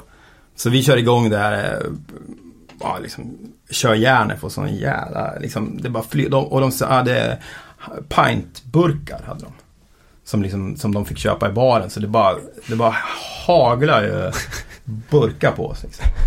Och, och vad heter han, Eh, Steve från Business bara stod bredvid och gjorde tummen upp. They love you guys. Man, jag bara, oh, visst. Det här är katastrof, vad ska vi göra? Så jag tror vi kör tre låtar och sen bara, fan vi måste hitta på någonting. Bara, "Ah, kör, kör Flares and Slippers, fan kör, vi måste köra den. Liksom. Så de fattar att vi är med dem. Så vi, så vi rev av den och några var så packade, de fattade ingenting. Så, där, så att, eh, men det var, nej det var fan. Men Det- hur, det- hur det var- blev ni, ni bokade dit då? Nej, jag kommer inte... Agnostic Front lirar ju. Så att... Ja, ja Men vi, de gillar dem. va? Gillar publiken Agnostic då? Ja, det gjorde de. Men de gillar ju oss, men de, de tyckte vi var små barn liksom. Vi var väl typ 20 år yngre än alla på som var med. Så det var, men det var... Nej, det, det var helt okej på slutet, men det är enda gången jag har känt så här äh, att nu blir det... Det blir ingen bra. Nej, det är någon, nå- någon gång i Belgien också har det känts lite som att nu, nu går det åt helvete. Men eh, nej, annars har det varit, annars har det varit eh, ja, man har ju träffat på mycket, mycket roligt och haft lite så här eh, idéer först. Jag kommer ihåg när vi, vi skulle, vi skulle göra en turné med Liberator och, och jag, jag har alltid tyckt ska varit så det är det sämsta jag vet. Jag har liksom några band som har en ska-licens. Så när vi, när vi åker ner då, och ska börja den här turnén då, då säger jag till Liberator och bara, bara så ni vet att jag, jag, jag tycker ska är så jävla dåligt. Så. Jag, vill bara, jag vill bara säga det så att, så att ni vet. Och det tyckte de var, jag tyckte de var gött. Det är en sån här pepp vi hade på vägen ner. Så vi gjorde, vi gjorde tre gigs med Earth Crisis också. Någon liten sån här mini Holland, Belgien och då var det också på väg ner i bussen. Bara nu jävla fan vi ska inte vika ner oss. Alltså, de där ska inte komma här liksom. Vi, alltså. Och så kom vi ner, då är de så jävla trevliga. Hela tiden, grymt trevliga. Så då tänkte vad fan är det här? Är det något band som har varit osoft att möta? Om man tänker sig, ja, men, som varit jävligt otrevliga eller? Nej, vi, vi, eh, jag vet inte hur någon måste, någon, eh, vi fick väl någon slags blessing av någon hardcore-gud sådär någonstans. Nej men jag vet inte, vi, man fick ju träffa på sig både Lorden som vi kallar, kallar han för, Isak där och, och Freddy och sådär. Man fick liksom, blev lite presenterad för dem sådär. Så. Några, några, några gånger och samma, träffade Ignite ganska tidigt, det var ju rätt coolt för dem. Mm. Och Jody som var med då. Och de, de gillar ju oss eh, som fan där. Så jag kommer ihåg, de, de bjöd oss, de spelade Karlstad tror jag. Ja, det tror jag. Ja, så de, de bjöd upp oss dit, de spelade B-rocken, sen spelade de Karlstad. Och så, då fick jag all, en av varje av all merch i, av Ignite-merchen. Ja, Ignite är ju ett av mina absoluta favoritband. Men jag har hört från ganska många håll att de är jävligt osofta som personer. Och nu har inte jag träffat dem på oerhört länge. Faktiskt. Men äh, då när jag, alltså alla vi träffade, vi körde ju så här med de gigs man har gjort, man, man har träffat allt från Sick of It All till Ja men all, alltså såklart alla Lagwagon Strung Out eller fan eller Good Riddance eller, eller vi har, vi har aldrig haft något något problem sådär, det är väl mer Och Lagwagon har vi också hört lite dåliga, dåliga saker om. Jag vet inte om du hörde runkanekdoten från när Winnie berättade om eh, Lagwagon i Brasilien. Nej. Eh, Nej, eh, för att göra historien kort så hade väl, eh, hade väl någon i Lagwagon stenad till tänderna på cola hade ju dragit ut kuken framför någon, någons flickvän i bussen och börjat runka. Proffs. Ja. Eh, hade man någon kontakt inom den svenska scenen mellan band som, som låg på Burning Heart? Jag tänker typ Monster och Ja, Chickenpox och... Ja, Chickenpox hade jag inte så mycket. Men vi hade ju mycket med eh, ja, No Fun såklart eftersom vi, vi var från samma. Men det var ju roligt. eh, No Fun tyckte man ju också. Fakta i No Fun tyckte man ju var en riktig dåre innan han liksom. Innan No Fun blev av. Det var ju typ jag som döpte han till Faktamannen. För Babs höll på att snacka om det här bandet No Fun Idol som han skulle signa. Och han försökte förklara vem den här killen var. Och han, han glasögon brukar vara på giggen. Och jag, fan han som är så jävla dryg. Faktamannen, fan jag jobbar ju på fakta.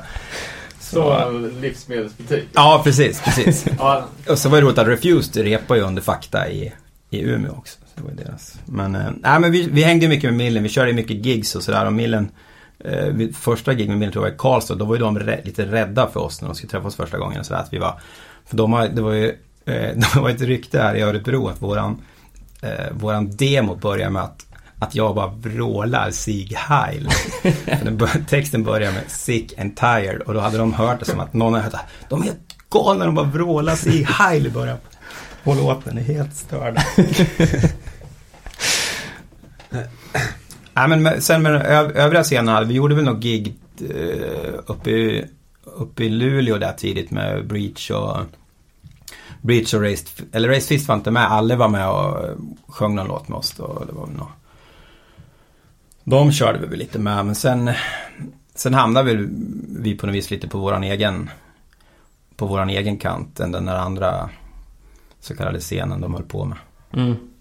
Ja, men det kändes som att Burning Heart-banden var ju liksom en, en helt annan liga än övriga, övriga svenska band. Ehm, Det var ju bara för de andra var bittra över att de inte hade signat på Burning Heart. förmodligen. De fick släppa på bröd istället. Ja. Men de kom till Burning Heart sen, allihopa. Och nu är ju Burning Heart tillbaks också. Ehm, jag är lite, lite sugen på att ta det här in i modern tid faktiskt. Jag, hur kom det sig att ni spelade på Gråsrock 2008? Han, eh, han Hans som har gråsrock typ, eh, ja, mejla, hörde av sig till mig typ varje år att vi skulle komma och spela. Och sen, eh, ja, sen måste väl jag ha haft någon mental meltdown där på något vis. Så Jag, eller jag tackar ja. Vi, vi tackar ja. Och gjorde det så att, och det var det var kul hela bussresan ner och hänga och fick eh, Ja det, det var roligt häng och så men, men själva sp- spelningen var eh, Ja, då vet jag varför jag inte spelar längre. Mm. Men hu- hur... eh, hur eh, placerades ni på line-upen? Var det ett headline-band eller spelade ni mitt i smeten eller? Nej, vi spelade... Eh, jag kommer inte ihåg. Vi, vi, hade rätt, vi hade rätt bra tid hade vi. Tidig kväll. Jag kommer ihåg vi spelade innan, innan No Fun At All har jag för mig. Så eh, vi spelade samtidigt som Bouncing Souls gjorde vi. Så de... Och de... Ja. Men, men det var... Men det är var- typ det första och sista gången som ni har spelat efter breaket. Ja, vi gjorde ju en, eh, en spelning i, i, i repan i Fagersta med, efter det. Kapacitet på 16 pers var det. Men vi fick inte utsålt, det var 14 som kom. Och det gjorde vi som en protestgig mot att No Fun At All, jag tror de spelade i Örebro. Så då hade vi ett, ett protestgig mot deras sellout. När var det här? Jag vet faktiskt inte om det är två år sedan kanske. Tre, kanske. Något sånt. Ja, fan. Inte en susning. Nej, det var, det var kul i alla fall. Det var, det var betydligt roligare än Gråsrock. Eh, men har ni några, några planer på att uh, göra mer gigs? Nu när Burning Heart eh, är igång igen, kanske har fått några erbjudanden om nya plattor och så vidare? Eh, nej, nej det har vi faktiskt inte. Jag, jag eh, nej. Nej. Nej. Nej. Nej, det, det Alltså jag, jag, jag tror ju, jag, jag skulle kunna göra något så här, alltså de mindre grejerna kan jag tänka mig att det skulle vara roligt att göra något sån där liten, liten grej men, eh, men annars fan, jag är, det är inte, jag kan liksom inte klä ut mig till det jag en gång var. För det är lite, lite så det känns och då, då, då tycker jag inte man ska hålla på. Jag gillar ju liksom, eh, Fifth Nine var ju helt fantastiskt det jag höll på med och jag, ja, jag, jag gillar ju fortfarande hård musik och håller ju på med, med musik och sådär men jag, ja, känner mig väldigt färdigspelad. Eh, men vad, vad pysslar du med idag då? Ja, jag ju ma- management. Har jag. Och musikmanagement och lite juridik. Jobbar med en hög med, med band. Och, ja, bland annat Millencolin. Så jag har gått hela vägen från roddare och matchare där till, till management. Så jobbar jag med ett eh, band som heter Graveyard, ett som heter Bombus. Och gubbarna i Sator och band som heter Factory Brains. Jag har släppt platta med ett band som heter Bruket också. Och ett eh, band som heter Stilett. Ja. Lite punk sådär. Eh, Jaha, det är ju fan jävligt bra platta. Uh, Ja, den är under eget bolag eller? Ja, på Citybird. Okej. Så det ska väl dyka upp en till eh, Stilett-skiva här. Ja, vi, vi hörde det. Det ser vi fram emot. Ja, ja, Jävligt bra den förra faktiskt. ja. Nej, grymt, grymt band. Det är, eh, bra snubbar också. Eh, lyssnar du på några nya hardcoreband då? Ja, nytt, nytt och nytt. Jag vet inte. Jag, jag, det märks så här. Jag har ju jag har ju liksom förträngt hur länge sedan det är. Jag liksom inte la ner hardcore. Så här. jag tycker ju... Ja. Jag, vad lyssnar jag på? Jag, jag gillar ju... Ja, jag lyssnar väl på Terror. Lyssnar jag väl på. Som, som ni har lite så här hatkärlek mot här känner jag. Men eh, sen var det mer. Eh, Eh, Rain Supreme tyckte jag gjorde någon jävligt bra skiva där. Eh, sen, sen vart de mindre bra. Sen vart de det jag, jag inte riktigt gillar med hardcore. Sen gillar jag faktiskt, alltså så här. Uh, Bring Me The Horizon gillar jag faktiskt de vissa grejer på, på de två senaste skivorna. Som en låt som heter Antivist brukar jag köra för folk som, som jag vet hatar Bring Me The Horizon. Så kör man den så, så vet man att de, vad är det här för någonting? Så blir de lite nervösa. så det, nej men, eh, nej men sen tycker jag det har varit sjukt roligt att lyssna på era eh, på, er, på ert det här för jag lyssnar på mycket, mycket av banden som är med här och det är jäkligt mycket som, som låter väldigt bra som jag som Du har ingen, inga nya musikprojekt på gång? Eh, nej, jag har, jag har lite sådär eh, Lite såhär gubb, gubb, gubbrockslåtar jag håller på med. Sådär. Sen gör jag väl lite, jag får någon så här infall och gör kanske fem. Jag gjorde lite så här Asta Kask-låtar för ett tag sedan. Och sen gjorde jag, ja, vi hade nog lite hardcore-grej jag skulle köra igång ett tag men, men det blir liksom, jag, ja, det blir ingen. Helt enkelt. Vi grävde ju fram någon gammal offshoot som startades väl, jag vet inte om det var under 59-tiden eller efter, men som hette Insula. Eh, med, med Nasensångaren bland annat involverad. Var det något som du var involverad i också eller? Nej, det var ju Nicke. Uh, Men det var ju, sen släppt, uh, för det, det där var jag tvungen att, de, uh, Mierska var väl med på första, det som inte släpptes. Sen var det väl Johan Från Nine. från Nine, ja, precis. Som, Mm. som sjöng. Det var ju Lundgren där som, från uh, 59 som var med. Och så var det lite uh, Within Reach folk också med. Okej. Så, men jag hade väl någon liten grej, lite, vi skulle göra ett, eh, med Nikola på sång och så var det Fakta och så var det jag och så var det Krille från Hive som spelade trummor. Eh, vi skulle få ihop, Fakta hade en massa låtar som hade blivit av. Och så vi, vi repade några gånger för att få ihop det men sen körde väl No Fun igång igen så då behövde vi inte hålla på med det där mer. Fan, det lät ju som ett riktigt all-star-band. Verkligen. Ja, det är ju garantin för att det inte blir något bra. Ehm, ja, som, eh, som vi har hört eh, när vi har pratat om lite olika ämnen så är ju du eh, ofta föreslagen som gäst i olika sammanhang. Men framförallt som efterspel till vårt beef-avsnitt så hör vi från flera personer om att ni måste kolla med, med Larna om beefen med Lyxzén. Ja, ja, ja. Ja, eh, ligger det, finns det någon beef, något ont blod? Nej, nej. Det har väl... eh, Det var väl en liten incident där en gång. För länge, länge sedan. Men, eh, nej. Det, det är glömt. Glömt och, glöm, glömt och över, överspelat. Så jag får, jag får göra... Jag får göra folk besvikna och skita i det. Men det har i alla fall det har funnits, har funnits någonting som, som får stanna i det förflutna helt enkelt. Ja, nej det var, det var en liten... Det var lite, lite skitsnack där från ett, från ett håll. Som, helt enkelt. Det var inte mer än det. Vad tror du om eh, Bernie Harts chanser att återetablera sig Precis. som världens största punkbolag då? Vid Ja. sidan om eh, uppenbara Epitaph och Fatbreak kanske.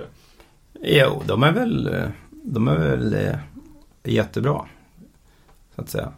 Alltså Babs har ju, han har ju kunnandet och har ju, har ju gjort det förut. Sen är det väl ett helt annat, annat klimat nu. Och, Mm. Men det är väl som det alltid har varit. Det gäller ju att ha känsla och turen att hitta, och hitta banden. Och det är ju väldigt, det är väldigt svårt. Det är väl så som, som Burning Heart gjorde som ni var inne på. Att, att även som Babs gjorde, att han kom med olika, att det var liksom dödsmetallen var han där och sen gick det vidare mot skate och hardcore och då var han ju rätt.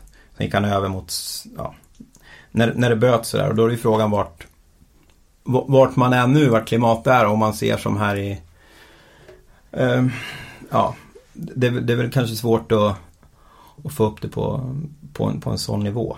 På, på nya band. Jag tror det är mycket svårare om jag nu hoppar över i, i min managementroll så tror jag det är mycket svårare nu som band att göra det som vi eh, med 59, Millen och allihopa gjorde. För att det är, det, är- det är ju det är ju inga band som lägger av helt enkelt. Så jag tror det är... Det kommer bara nya. Ja, men det, det, jag tror det är svårt. Eller jag vet att för promoters säger det. Det är ju så svårt att få folk att köpa nya köpa biljetter till nya band och sälja ut dem därför att de gamla banden turnerar så sjukt mycket. Så ska du ta in, ta det in på liksom en, ja, men ska du ta in det på, vad säger, som ett skate, nytt skateband då, då får du konkurrera med att nästa helg kommer Lagwagon och helgen efter kommer NoFX och, och förut var det mycket, mycket glesare så det fanns utrymme i, i folks ork att gå på spelningar och i folks, folks fickor för avband ja, band banden turnerar ju väldigt mycket. Ja, ja, det är väl eh, lite, lite effekten av att, eh, av att det är väldigt svårt att sälja fysiska plattor. Att ska man kunna fungera som ett band så måste man ju turnera hela tiden. Ja, men jag tror det var man tvungen att göra förut också. Banden tjänar inte så mycket på skivorna. Alltså inte så att fyra, fyra personer kunde leva på det. Tror jag inte. Men sen är ju, alltså som typ amerikanska banden turnerar ju väldigt mycket redan när vi höll, höll på. Det vet jag ju folk sa, så det var ju liksom Earth Crisis varenda helg i Europa. Och sen har väl, sen har väl de, speciellt de amerikanska banden, det var ju aldrig lika stort för dem i i USA. Som det var i Europa? Nej, de, de hade, det var ju inte samma, samma peng för dem där. In, inte i alla fall över hela, men USA är ju så fantastiskt stort. Så. Kom ni någonsin till USA med 59? Nej, nej, vi tog oss aldrig dit. Vi, oh, nu kommer jag på det. Vi var på en eh, miserabel Kanada-turné en gång. Det är en annan historia. Nej, vi, vi, vi tog oss aldrig dit. Vi, hade, vi tog oss inte till Japan heller. Vi var på gång typ med Good Riddance några gånger. Men vi, vi hade ju aldrig någon, någon vad jag är nu, manager liksom. För jag tyckte ju management var ju liksom, det var ju piss. Det var ju bara någon idiot där som liksom, vad fan ska, vad fan vet. Vi fick ju lite anbud från folk och, som ville jobba med oss. Men ja, nej, vad är det här liksom? Vi, vi, vi, nej men vi var så sjukt, vad sa du? Anspråkslösa? Nej, men vi var så sjukt nöjda med vad vi höll på med. Vi tyckte det kan ju inte bli bättre än så här. Det är liksom mat och folk vill få flyga och det är fan så